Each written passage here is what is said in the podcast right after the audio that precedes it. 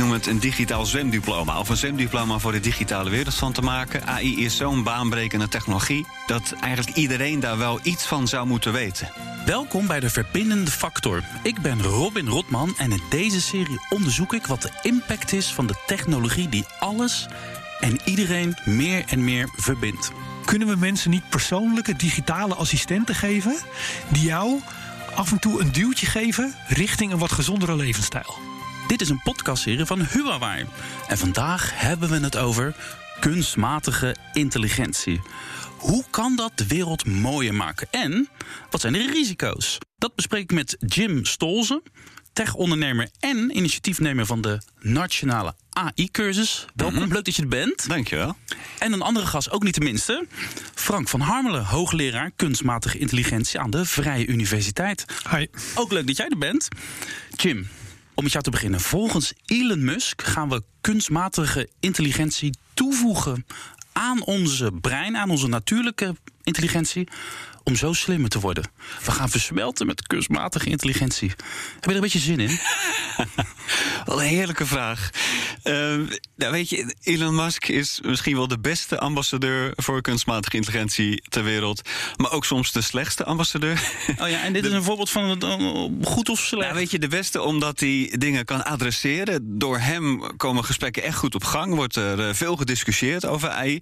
Maar soms ook de slechtste ambassadeur, omdat het soms zo heel erg toekomst is. Uh, science fiction. Terwijl we hebben nu ook gewoon genoeg problemen en genoeg uitdagingen en genoeg kansen. Dus ik heb het liever over vandaag dan over 2028. Dit is wel een hele stip aan de horizon. Ja, zeker. Toch, Frank? Is dit een soort bla bla van Musk? Of is het serieus iets van jij Nee, nou, er, er wordt zeker aan gewerkt in, uh, in, in laboratoria, zowel door, door, door neuropsychologen als door uh, computerwetenschappers, AI'ers.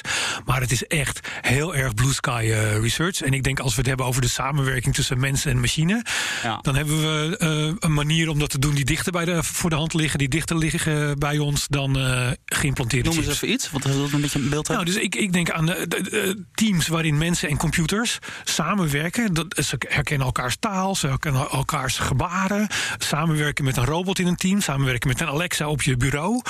Eh, dat is ook al samenwerken met AI, zonder dat daar een, eh, een chip in je brein bij aan te pas komt. Nou, oké. We gaan eh, in deze opname gaan wij eh achtereenvolgens een soort kleine spoedcursus AI doen.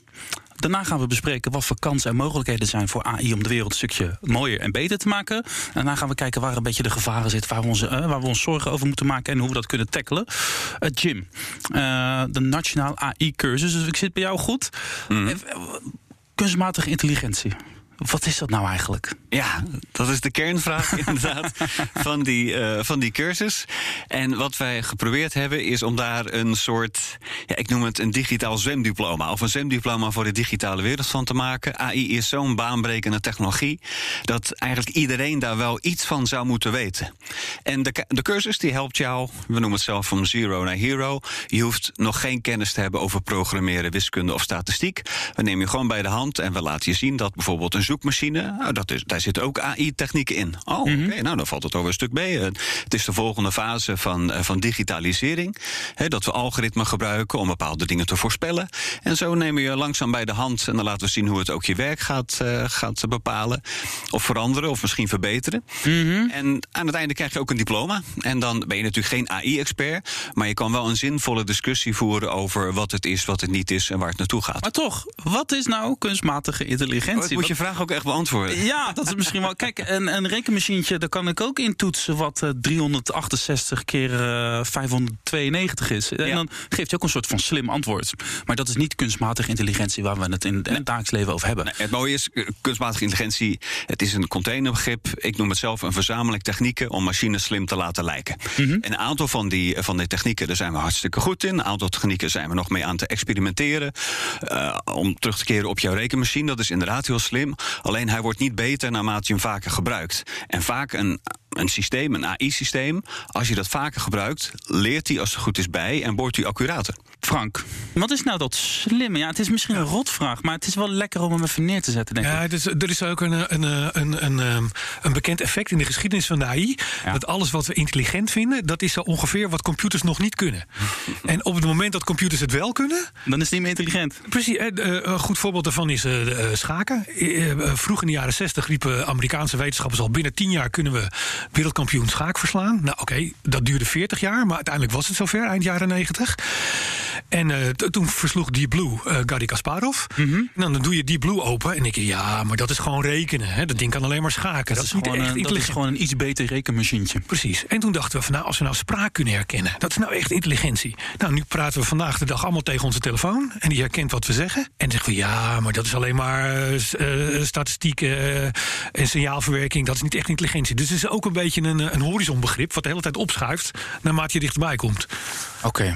Maar wat Jim dan zegt over eh, een systeem dat slimmer wordt naarmate het meer gebruikt. Want een rekenmachientje, die wordt alleen maar smeriger als ik hem vaker gebruik. Nou, nee, dus ik denk dat, dat, dat leren, ik denk er zijn twee kernbegrippen. Het, het- wat, wat, wat Jim zegt, het leren en redeneren. En de- zowel het leren, dus als je, doordat die dingen vaker doet, wordt hij er beter van. Eh, AI-machines worden te leren van hun fouten. En ze redeneren op de manier zoals mensen dat redeneren. We trekken eh, conclusies, we maken plannen. Eh, we bedenken wat we willen bereiken en dan maken we een plan om dat te bereiken. Dat soort redeneringen, of redeneringen zoals een arts doet om een diagnose te stellen, of een rechter om een vonnis te... Dus leren en redeneren, ik denk dat dat twee keer een begrip zijn, Jim. Ja, zeker.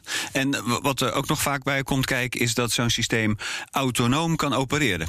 Jouw rekenmachientje gaat niet uit zichzelf eh, sommen eh, verzinnen. Maar bijvoorbeeld als je in de auto zit en je gebruikt TomTom of Google Maps en jij rijdt verkeerd, dan raakt het systeem niet in de war. Nee, hij past zich aan. Dus je hoeft niet opnieuw eh, iets in te kloppen of zo, of te, of te herprogrammeren. Hij past zich aan en hij neemt je als het goed is naar de goede plek. Ja, dat is goed. Oké, oké. dus het is een soort systeem wat blijft leren. En jij omschrijft nu Frank eh Deep Blue. Die won van Kasparov. Eh, en toen vonden we dat niet meer slim. Toen kwam er een nieuwe, een- weer een nieuw frontier in, in slimheid. Waar staan we nu een beetje?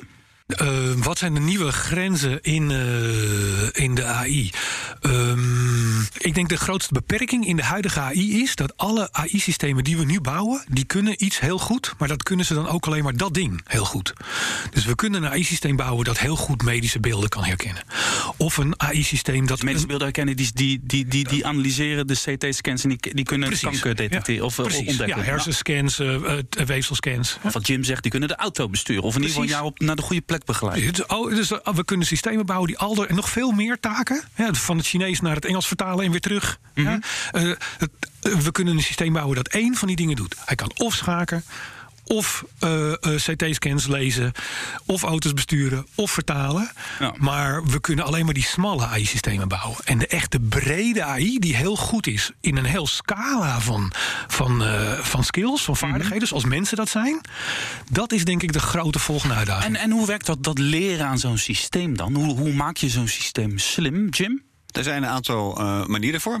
Je kan dat eh, op een if-then-else-achtige manier doen. Als dit wordt gevraagd, antwoord dat. Nou, dat is een prima manier, hè. daar kom je, kom je best wel ver mee. Dus je- even heel, heel simpel, je, je laat een systeem een stoel zien en je zegt dit is een stoel. En je laat nog een keer een stoel zien, dit is ook een stoel. En als je maar genoeg stoelen heeft gezien, dan kan hij op een gegeven moment, weet hij van, uh, kan hij plaatjes zien, dat is een stoel en dat is, een, en dat is geen stoel. Als je bijvoorbeeld een kat laat zien of zo. Precies, en als wij, als wij naar een stoel kijken, dan zien wij in één keer dat concept. We hebben daar een, een, een mentaal beeld bij.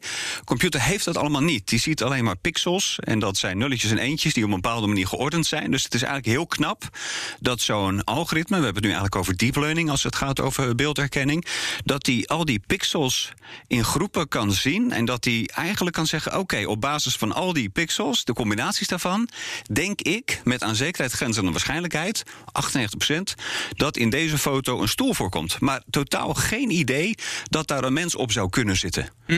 Dus het is eigenlijk heel dom wat er onder de motorkap gebeurt. Maar wij vinden het heel slim, want we zeiden, een computer kan een stoel herkennen. Hm, Is, is het de enige manier, Frank, waarop wij systemen slim kunnen maken? Ja, dus er zijn twee belangrijke routes. De ene is eh, wat Jim net schetst, dat zou je data-gedreven AI kunnen noemen. Je stopt er heel veel data in. in. In het voorbeeld wat Jim zei, plaatjes. Heel veel plaatjes, heel veel data. En langzamerhand leert de computer de, ehm, de patronen herkennen. Ja. dus dat is leren door data. Ik zou bijvoorbeeld, hè, om een voorbeeld te noemen, een systeem dat voeren ze vol met eh, Beatles liedjes. Ja. Alle 220 120 hoeveel zijn of zoiets. En op een gegeven moment gaat die computer die liedjes analyseren. En denkt van, joh, het, het 221ste Beatles liedje zou wel eens zo kunnen klinken. Precies, dus dat is patronen herkennen. Welke muziekpatronen zijn nou Beatle-muziekpatronen?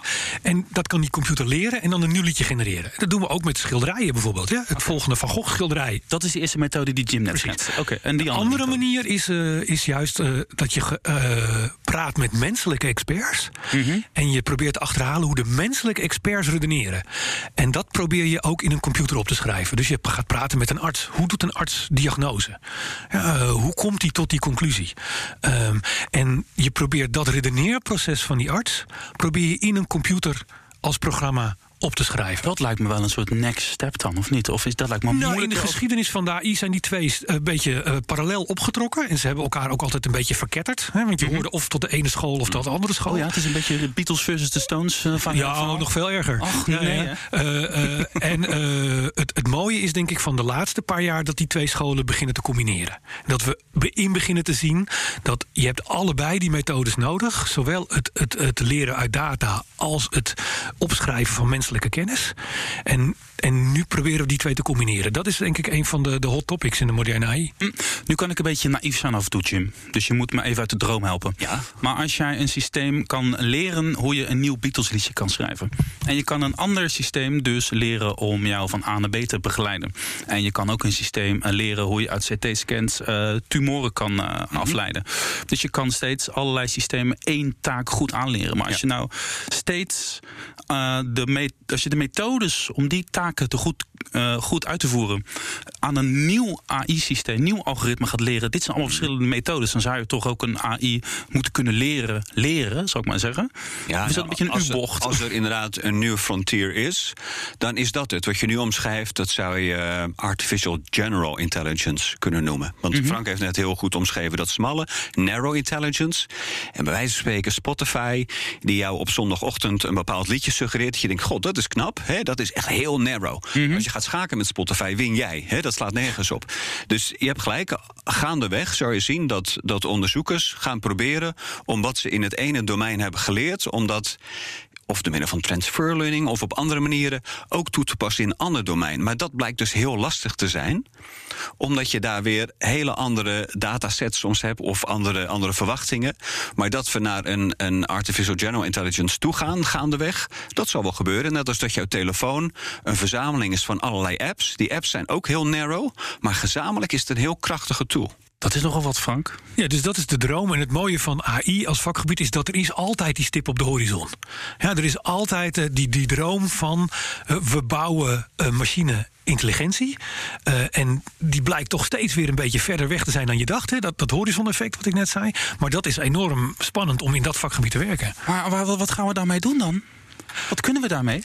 Nou, bedenk wat we er nu al mee kunnen. Ja, dus we kunnen eh, een heel aantal ondersteunende taken, die kunnen we nu beter. Een, een, eh, een zelfrijdende auto op de snelweg is echt veiliger dan als jij achter het stuur zit. Wil je niet beledigen, maar iedereen, elke mens is een hele slechte chauffeur. Ja. We, we, we, we raken onze concentratie kwijt, we worden een beetje vermoeid, we raken afgeleid, we luisteren naar de radio. We hebben sowieso een heel langzame Oké, en reactiesnelheid. in diagnostiek zullen ze beter zijn. En ze zullen Absoluut. misschien betere muziek kunnen gaan maken straks. Oké, oké, oké.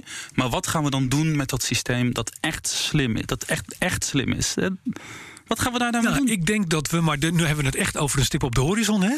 Dat we toegaan naar een maatschappij waarin we intelligente machines als collega's, als misschien wel als medeburgers gaan zien. Ja, dat op de werkvloer dat het heel gewoon gaat worden dat je een digitale collega hebt die maandagochtend goedemorgen tegen je zegt en die alvast wat werk gedaan heeft en sommige dingen geef je aan de digitale collega's, sommige dingen die doe jij. Dus dat, dat die digitale machines echt onderdeel worden van, van onze samenleving. Het is dat Jezus, Frank, of Frank, eh, Jim. Ja. Dat is toch wat? Gaan we Ja. ooit een keer een minister-president krijgen die eh, in een doosje zit? Nou, eh, op het moment dat zoiets eh, er is, wat Frank schetst, dat, is, dat zou echt heel knap zijn. Nou. Als je kijkt van nu tot dat eh, moment, zul je zien dat het niet zozeer is dat AI-systemen je nieuwe collega worden, dat, dat ze jou vervangen, maar dat ze jou gaan ondersteunen. Dus jij komt op je werk, als je naar je werk gaat, of je mag ook vanuit huis werken. En AI zal blijken dat dat jou niet vervangt, of het is geen competitie. Het is niet jij tegen de technologie. Het is, eigenlijk hadden we het augmented intelligence moeten noemen. Het is gereedschap waardoor jij lekkerder je werk kan doen. Sterker nog, al dat saaie, eh, repetitieve, voorspelbare werk, scrollen door Excel-sheets, informatie opzoeken in het ene systeem, in het andere systeem inkloppen, waar mensen nooit voor bedacht zijn, dat zou je zien. Dat gaan die algoritmische modellen, die AI-collega voor je doen, zodat jij veel meer kan doen waar je eigenlijk voor bedacht bent. Is, dit- is dit een wens? Is het wensdenken of is dit echt waar, waar we heen gaan? Want dit is eigenlijk gewoon het rekenmachientje wat we gaan gebruiken. Alleen het rekenmachientje wordt gewoon heel erg slim. Zeker. Ik, en ik vind de kreet, hè, die, die Jim net zegt, AI zou niet artificial intelligence, maar augmented intelligence moeten zijn. Precies dezelfde afkorting. Ja. En daar gaan we zeker naartoe. En dat zie je nu ook al. hè. Dus, eh, radio, er is nog nooit een radioloog ontslagen, omdat die vervangen is door een AI'er, Nee. door een AI-machine. Maar er worden straks wel radiologen ontslagen als ze geen gebruik maken van AI. Ja. Dat zal de toekomst zijn. Ik heb een leuke eh, rubriek in deze podcast. Connecten met critici. Er zijn natuurlijk altijd mensen die op het wereldwijde web eh, kritische vragen stellen. Vandaag gaan ze over de samenwerking tussen Huawei en jouw mooie universiteit. Frank, is even kort. Die samenwerking, het is de UvA en de VU. Jij werkt bij de VU. En Huawei die zijn een samenwerking aangegaan eh, om onderzoek te doen. Zo is het. Even, even, even, even kort, wat, hoe ziet die samenwerking eruit en waar gaat het onderzoek over? Eh, eh, samenwerking. We hebben afgesproken, we gaan vijf jaar lang samenwerken. Er gaan negen mensen bij de universiteiten aan die samenwerking met de Huawei werken. Eh, onderwerp is eh, de nieuwe generatie zoektechnieken. Eh, en zoals eh, zoekmachines. En zoals Jim net al zei, in de huidige zoekmachines, van Google tot Bing en, en terug, daar zit ook allemaal AI in verstopt. Dus de volgende generatie zoekmachines, daar gaat het onderzoek over. Ah, oké. En jullie werken daarvoor samen met Huawei. Ja. En dat leidt tot Kamervragen.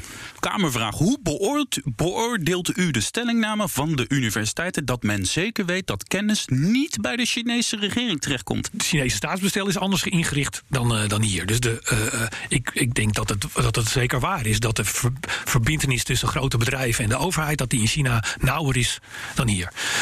Lekt kennis weg naar China.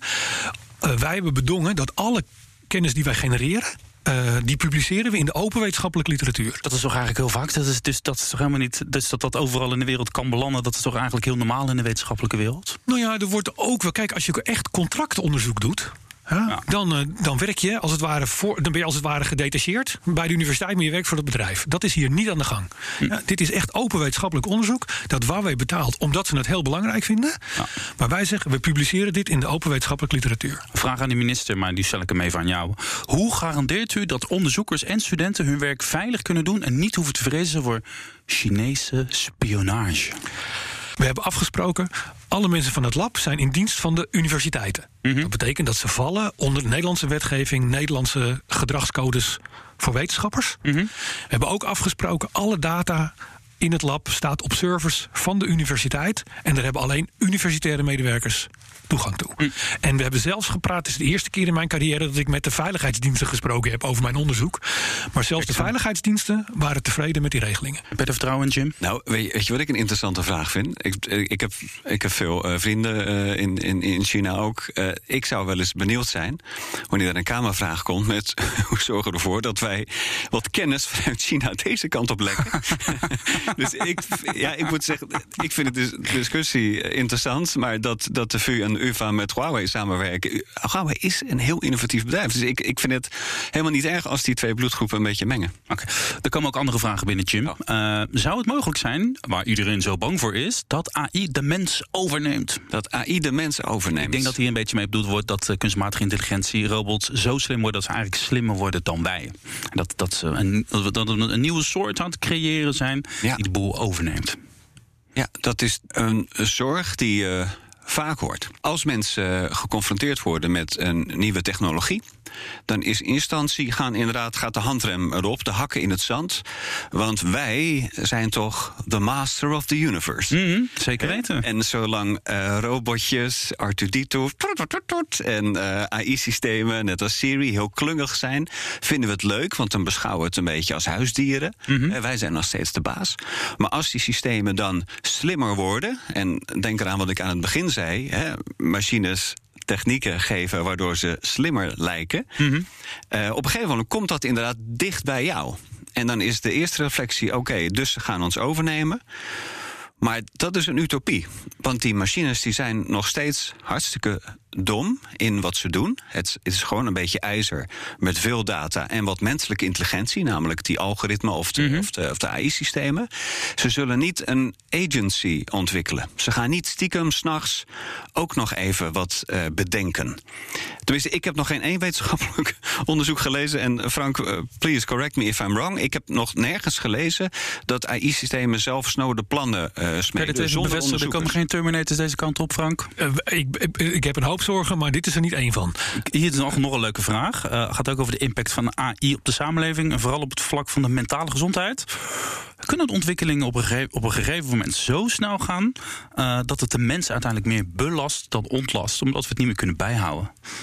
Dat is misschien ook wel een beetje een u-bocht, maar ik snap hem eigenlijk Nou, wel. ja, die snap ik wel. En, ik, en dat is, ik denk dat dat wel iets is waar we ons zorgen moeten maken. Ik zou hem net iets anders formuleren. Mhm. Namelijk dat sommige delen van onze maatschappij wel mee kunnen met die nieuwe ontwikkelingen. En andere delen van de maatschappij achterblijven. Heb je het meer over de haves en de have-nots of zo? Precies. Dat is het en dat er een soort digitale haves en digitale have-nots ontstaan. Dat dat een nieuwe tweedeling wordt in de maatschappij. En eh, dat is met elke technologische revolutie gebeurd. Kijk naar de industriële revolutie, hè, 150, 200 jaar geleden. Toen waren er ook een, een klein deel van de, van de maatschappij die daar veel baat bij had, daar rijker van werd. En een deel van de maatschappij die daar armer van werd. Eh, ik denk dat we op moeten passen dat die, die digitale revolutie, waar AI zo'n belangrijk onderdeel van is, En die gaat natuurlijk nog sneller allemaal. zeker. Maar dat wordt dan een soort socialistisch versus kapitalistisch vraagstuk. Nou ja, maar ik Dus denk bijvoorbeeld dat ze iets wat wie Jim bezit deze technologie en deze kennis? Wie, en wie, Zeker, dus wie, wie bezit dat? Wie heeft daar iets over te zeggen? Heeft de overheid daar een rol in? Ik denk voor ook die cursus die Jim organiseert, die is daar cruciaal in. Om te zorgen dat ook de, hè, tussen aanhalingstekens, gewone Nederlander... Zoals ik. eh, 170.000 gewone Nederlanders hebben ondertussen eh Jim's zwemdiploma over AI gehaald. Dat we allemaal een beetje kunnen meekomen. Exact. En daar komt ook die metafoor vandaan. Natuurlijk kijken we naar de overheid, kijken we naar Brussel voor eh, regulering om excessen te voorkomen. Maar je kan niet rondom alle sloten hekken gaan plaatsen. En natuurlijk, er zijn toezichtshouders nodig. eh, De AP en, en de ACM, eh, die zijn er. Dat is heel belangrijk dat die er zijn. Maar je kan niet op elk strand een lifeguard zetten. Vandaar inderdaad dat je moet ook mensen weerbaar maken. Jij zei aan het begin, ik ben misschien naïef. Nou, ik denk dat naïef zijn een hele goede eigenschap is. Alleen als je online bent, dan moet je soms wat sceptischer zijn. Ja. En daarom zijn niet alleen cursussen over kunstmatige intelligentie belangrijk, maar ook over cybersecurity. Eh, je bent heel kwetsbaar, juist omdat internet zo'n relatief jonge technologie is. Zijn mensen niet altijd op de hoogte wat eh, downside kan zijn. Oké, dus dat is één, eh, één potentiële zorg waar we, hè, waar we rekening mee moeten houden. De haves en have-nots, die heb jij net benoemd. De bias, Hmm. Jim. Dat is ook een ding, hè? Ja. Wat voor informatie stoppen we in die machines? En het blijkt toch vaak dat eh, de algoritmes dezelfde vooroordelen eh, meenemen als die wij hebben. Ja. En, en wat er dan voor een laagje bij komt, is dat technologie de illusie wekt dat het onpartijdig is. Hè? Dit is misschien wel het grootste probleem op dit moment van, de, van AI. Dat wil zeggen dat wij, en daar reken ik mezelf ook toe, dat eh, de techno-optimisten heel lang hebben gezegd: Nou, geef het maar genoeg data en geef het maar genoeg rekenkracht, dan worden die voorspellingen vanzelf steeds beter. In eh, in eh, Si- eh, Silicon Valley zeggen ze: Truth starts at one million examples. Maar dat is niet waar. Data vormen geen spiegel van de echte wereld. Als ze al iets zijn, dan is het een lachspiegel. Het is namelijk een vertekend beeld. Als er bepaalde bevolkingsgroepen niet aanwezig zijn in jouw training set, waarmee jij je algoritme traint, dat betekent dat die mensen dus in de echte wereld, als het systeem buiten de training set wordt gebruikt, dat ze uitgesloten worden. Kun je een voorbeeld juist- noemen uit, uit de praktijk? Heb jij iets bij? Nou, nou ja, dus, eh, een, ik denk een, een bekend voorbeeld is eh, eh, werving van personeel. Oh ja, ja. Dus daar, daar wordt tegenwoordig vaak eh, zelflerende machines ingezet om een eerste schifting te doen. Je hebt een, je hebt een, sollicita je hebt een, paar, sollicita eh, paar open plekken. Komen 300 reacties op. Die wil je niet allemaal lezen. Haal je er eerst een, een, een AI-systeem overheen om de beste kanshebbers eruit te halen. Als je dat systeem getraind hebt op mensen die allemaal Nederlandse namen hebben. Want dat waren de mensen die toevallig in jouw organisatie nu al werkten. Hè, dan komen daar dus alleen maar weer mensen met Nederlandse achternamen naar boven. Voilà, discriminatie op de arbeidsmarkt. en je dat is niet verzonnen voorbeeld. Dat het gebeurt. En wat kun je hier dan tegen doen? Fijn dat je dat vraagt. Uh, nee, nee, serieus. Want meestal. Uh, dat moet me even van het hart. Er is ook een hele nieuwe beroepsgroep ontstaan. Uh, die professioneel zich zorgen maakt over technologie.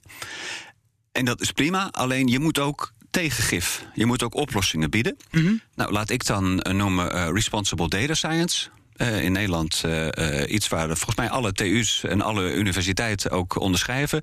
Dat betekent dat de studenten die de master kunstmatige intelligentie volgen, of de, of de bachelor of data science, dat die tot voor kort, als er dan een filosoof of een ethicus op de campus was, dan dacht je die is verdaald.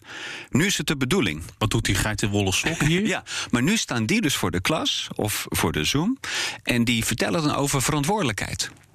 En over fairness, accuracy, confidentiality, transparency. Allemaal termen die je tot voor kort misschien niet uh, zou verwachten.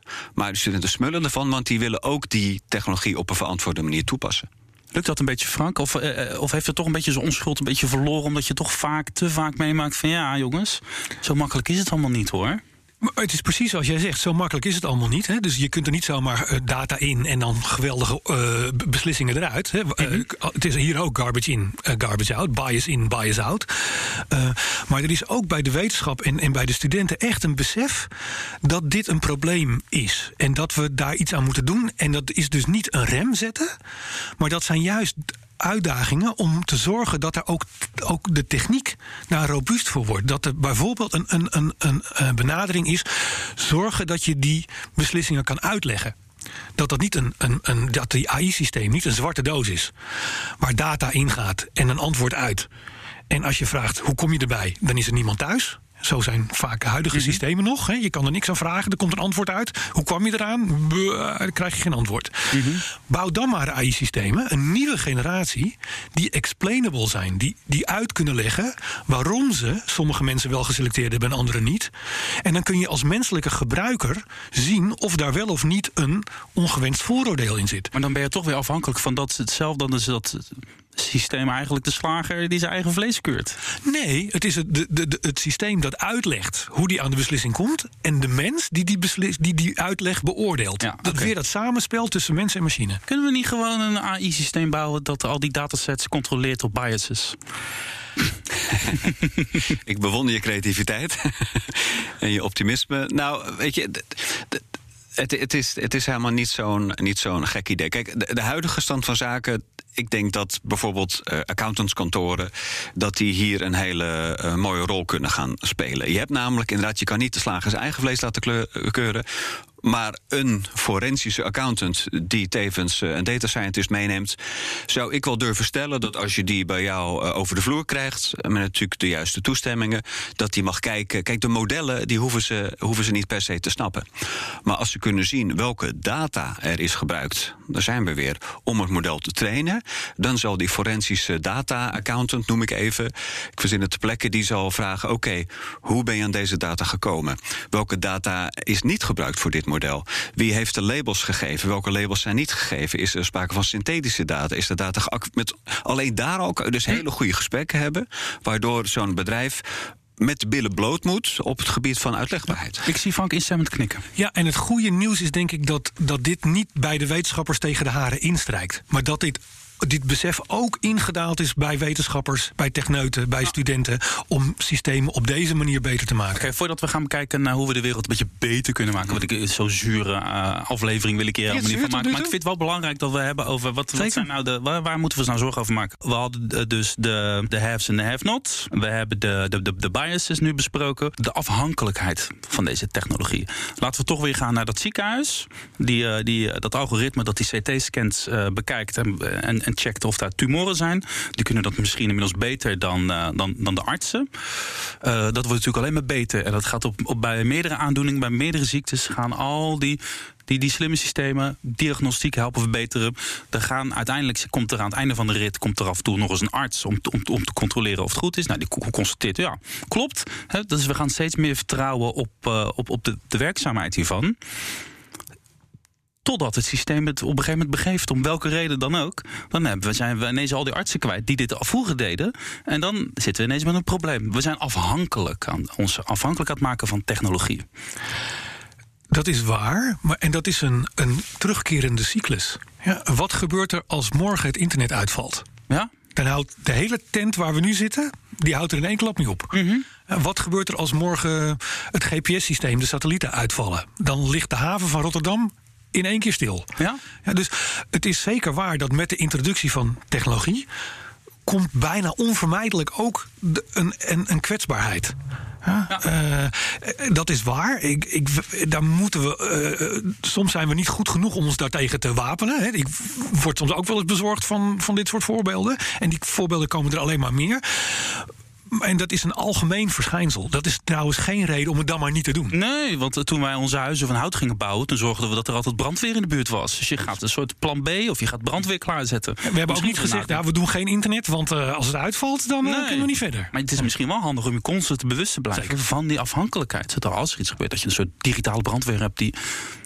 Of zeg ik dan iets heel geks, Jim? Nee, we- kijk, van alle uitdagingen en alle problemen denk ik dat dit eh gek genoeg de minste is. Daarmee wil ik het niet bagatelliseren. Oké, maar dit gaat natuurlijk gewoon, gewoon over dubbel uitvoeren van service, over eh, stroomcapaciteit, et cetera. Dat is op facilitair niveau. De mooie dingen. Ah, AI de for good. AI for good. Ja. Wat Ja. is dat? Good. Ja, ik, ik ben daar eh, geweest. Dat is een, eh, het is een wereldwijde be- eh, beweging. Eh, komt samen dan bij een annual conference in Genève. En daar werd ik heel optimistisch van. Want vaak denken wij, als het gaat over AI of technologie, dan denken we aan grote techbedrijven. Die niet altijd even positief in het nieuws komen. Denk aan Facebook, denk aan eh, Google en andere. schendingen, ja, met het product, et cetera. Maar AI for good. Dus Wat, wat is dat? Hoe gaan we Precies, AI en inzetten voor een daar, toen ik daar was, toen zag ik dat er ook manieren waren, of niet manieren, dat er projecten, initiatieven waren, waarbij diezelfde technologieën werden ingezet, bijvoorbeeld om de Sustainable Development Goals. Dat zijn de 17 doelen. Vroeger heette dat geloof ik de Millennium, Millennium. Development Goals. afspraken over watervoorziening, over eh, klimaat, over... Ja, resilience, onderwijs, gezondheid. Ook voor de mensen die daar niet per definitie eh, dat al hebben. En eh, ja, daar viel ik echt van mijn stoel. Hoeveel projecten er al waren die inderdaad gebruik maken van die technologie. eh, NGO's. Eh, ik heb zelf ook mogen werken aan een, project van het Rode Kruis. Is het tijd om dat even Ja, kort, kort aan te stippen? graag. Voorbeelden. Als, het, als er ergens een, een natuurramp is geweest, hè, bijvoorbeeld een tsunami of een aardbeving, dan zijn de kaarten van dat gebied die zijn meestal waardeloos, die zijn achterhaald. Dus de first responders die daar naartoe gaan, die moeten zo blind opereren in dat gebied. Dus wat deed het Rode Kruis tot voor kort? Die hadden dan hadden nieuwe satellietbeelden en dan riepen ze hun vrijwilligers, de donateurs op, om achter hun computertje met Microsoft Paint op die nieuwe satellietkaarten Oh, nieuwe maps te tekenen. Fantastisch werk natuurlijk. En heel knap van, de, van die vrijwilligers dat ze dat deden. Maar niet altijd genoeg. Nou, dan, is er, eh, dan zijn er projecten. Dan denk je gelijk aan eh, deep learning. Hè. Deep learning hebben we net een beetje uitgelegd. Die kan patronen herkennen. Dus er is nu een, eh, door middel van hackathons gebeurt dat. Missing maps. Dat er technologie wordt gebruikt. Deep learning technologie. Die gaat kijken naar die handgeschreven nieuwe kaarten. En de nieuwe satellietkaarten die nog niet geschreven zijn. En dan komen we opeens kijken, hier loopt nu de rivier. Of hier is de weg en daar staat dat gebouw. Kijk eens aan. Gaaf hè, Frank? Ja, er zijn tal van dat soort voorbeelden. Eh, gezondheidszorg is een andere. We wonen in Nederland, woont niemand verder dan een uur rijden van een topacademisch ziekenhuis. Ja, eh, maar er zijn natuurlijk heel veel plekken in de wereld waar dat niet zo is. Wat AI mogelijk maakt, is veel van die medische expertise in een doosje stoppen. Dat AI-doosje meegeven aan een veldverpleger. Die met een jeep allerlei afgelegen dorpen in, eh, in, in Zuid-Afrika eh, bezoekt. En daar medisch advies eh, kan geven. ver voorbij de eigen expertise van die verpleger. Want ja, die kan ook niet van alles weten. En dan maak je medische kennis voor een En dan, heleboel mensen in je, en dan verspreid je op die manier medische kennis. en die maak je beschikbaar. Op een manier die, die zonder die AI niet mogelijk zou zijn. Je hebt natuurlijk ook in de ziekenhuizen, we hadden net al de, de systemen die de CT-scans kunnen beoordelen. Ik hoor ook van alles over eh, kankeronderzoek. Hè. Dat, dat, dat moet in de toekomst een, een, een individuele benadering per patiënt worden. Want geen patiënt is hetzelfde, geen tumor is hetzelfde. Wat gebeurt er dan? Gaan we al die gegevens van al die patiënten in een database stoppen. Zodat als je als patiënt je meldt en je, je blijkt eh, eh, ziek te zijn, dat een AI-systeem kan beoordelen welke behandeling op maat bij jou past. Zeker. Uh, dat is zeker de, de, de gepersonaliseerde ge zorg. Dat is waar we naartoe gaan. Daar speelt je genetisch profiel een belangrijke rol. Het wordt steeds goedkoper om van iedereen een genetisch profiel af te nemen. Uh, samen met dat profe genetisch profiel kan een, een, een AI programma bedenken welke medicijnen voor jou wel zullen werken en welke niet zullen werken. En dus op basis van jouw genetisch profiel plus een AI-programma kunnen jouw persoonlijke medicatie ter plekke gemaakt worden die voor jou wel werkt. Het is overal, hè, Jim. In de ziekenhuizen. We gaan het, de, de, de medische kennis de, de, de, wereld over verspreiden. Ja. Jij zegt net al, het zit in onze auto's. Het zit in onze telefoon. Precies. AI is geen toekomstmuziek. Het is, het is hier en nu. We kunnen samen daar vorm uh, aan geven. Nog een ander mooi initiatief uit te koken van AI for Good is uh, StorySign. Misschien heb je er wel eens van gehoord, nee. maar dat gaat over uh, kinderen die, uh, die doof zijn. Die willen ook voorgelezen worden. En dat, dat, dat klinkt natuurlijk gek, hè? want je kan het niet horen. Waarom wil je dan toch voor slapen gaan voorgelezen worden? Nou, welkom in de wereld uh, wederom van de, van de machine learning en de deep learning. Er is een technologie ontwikkeld. Daar kan je je telefoon, die houd je voor een boek. En dan wordt vervolgens wordt door middel van de gebarentaal wordt die tekst aan jou voorgelezen. Oh wow. Vind ik gewoon weer een mooi. Er zit niet een hele een of andere business case of een, of een andere agenda achter. Het is gewoon een mooie toepassing van die technologie. Hij is maar net hoe je hem gebruikt. Zo ook, ook ik, ik heb zitten googelen kunstmatige intelligentie nieuws. Uh, ik moet eraan denken omdat jij dat vo voorbeeld geeft. Uh, alle uh, AI laat blinden zelfstandig hardlopen. Ja. Kennelijk is er dus een systeem bedacht uh, dat blinden waarschuwt als zij de hoekje ontmoeten of niet als er iets aankomt. Ja. Gaaf hè. Ambulance sneller ter plekke dankzij kunstmatige intelligentie. Nou, hartstikke fijn. Um, algoritme kan aan een hoesje horen of je corona hebt. Dus medische diagnose. Uh, uh, uh, op allerlei manieren kunnen we dat veel sneller en ook veel dichter bij de mensen brengen. Hebben jullie nog leuke dingen waar jullie aan werken op jullie universiteit? Nou, toepassingen in het onderwijs bijvoorbeeld. Ja, dus robotjes die in de klas een soort assistentje voor de leraar zijn. Wat doen die robotjes in de klas? Nou, soms heeft het ene kind een beetje meer hulp nodig dan het andere. Wil de rest van de groep vast wat verder. Maar uh, weet ik veel, uh, Maria heeft nog uh, wat meer hulp nodig bij de tafel van zeven. En dan gaat dat robotje samen met dat meisje de tafel van zeven nog een paar keer, keer oefenen. Hm. Uh, en uh, sommige kinderen, een beetje ADHD-typjes, hebben moeite om bij de les te blijven. Uh, dan helpt zo'n robotje om de concentratie vast te houden. Een soort assistentje voor de leraar in de klas. Collega's op de VU zijn daar nu mee aan het experimenteren. Wauw. Laatste vraag, en die is voor jullie allebei hetzelfde. welk probleem scheelt wat jullie betreft, jullie persoonlijk, om een AI-oplossing? En dat mag best iets zijn over 10 of 20 jaar, maar wat zou wat jullie betreft nou, dat je denkt van, hè, dat gaan we doen met AI. Jim. Nou ja, ik, ik, ik, luister net naar Frank over het onderwijs. Dat is volgens mij spot on.